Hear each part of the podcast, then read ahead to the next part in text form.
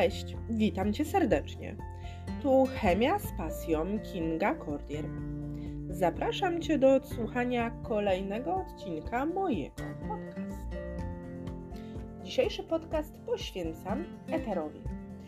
Po gazie rozweselającym zapraszam więc na historię eteru.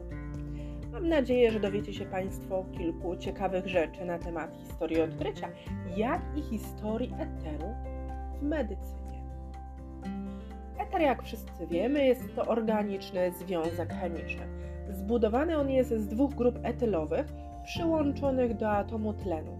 Jakie ma właściwości? Narkotyczne, nasenne i znieczulające. Pierwsza wzmianka o eterze, taka naukowa wzmianka o eterze, pochodzi z pierwszej połowy XVI wieku od Valeriusa Cordusa z Wittenbergi. Był to niemiecki lekarz. Opisał on wówczas syntezę środka nazywanego oleum dulci vitrioli. Nazwa eter pojawiła się po raz pierwszy w 1730 roku. Została ona sformułowana przez Frobeniusa. W 1818 roku Faraday opisał właściwości znieczulające eteru. A kiedy wykonano pierwszą operację z użyciem eteru w Polsce? 6 lutego 1847 roku w Krakowie. Dokonał tego profesor Ludwik Bierkowski, polski chirurg.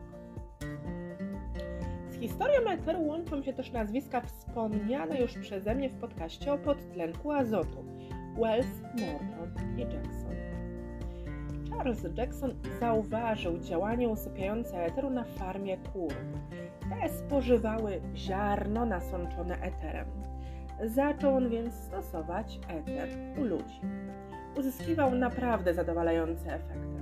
Następnie podsunął pomysł użycia eteru do znieczulań Mortonowi, amerykańskiemu dentyście. Morton zaczął go skutecznie stosować u swoich pacjentów. Dr Warren zaprosił Mortona na publiczną demonstrację działania eteru. Miało to miejsce 16 października 1846 roku. I po udanym zabiegu dr Warren miał powiedzieć: To nie jest szwindel, to działa. Można powiedzieć, że Morton tym samym odniósł sukces. Był on jedynym dostawcą tego środka, ale niestety nie udało mu się go opatentować. Biuro patentowe domagało się bliższych danych o środku. Tak więc Morton nazwał go leton, anestezja. Dodał też wanili w celu zamaskowania charakterystycznego zapachu eteru. Ale kłamstwo Mortona miało krótkie nogi. Prawda wyszła na jaw. Związek od wielu lat był dostępny w składach farmaceutycznych. Morton przez 20 lat walczył o patent. O prawo pierwszeństwa we wprowadzeniu znieczulenia walczył też Jackson. Jak zakończyła się ta historia?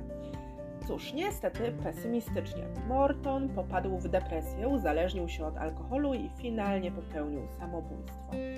Jackson zapadł na chorobę psychiczną, a Wells? Wells próbował on uzyskać aprobatę francuskiej Akademii Nauk. Ostatecznie zaczął on nadużywać chloroformu i podobnie jak Morton popełnił samobójstwo. Uczeni we Francji za odkrywcę znieczulenia ogólnego uznali Wellsa. Mam nadzieję, że dzisiejszy podcast Ci się spodobał. Jeśli tak, poleć go proszę swoim znajomym.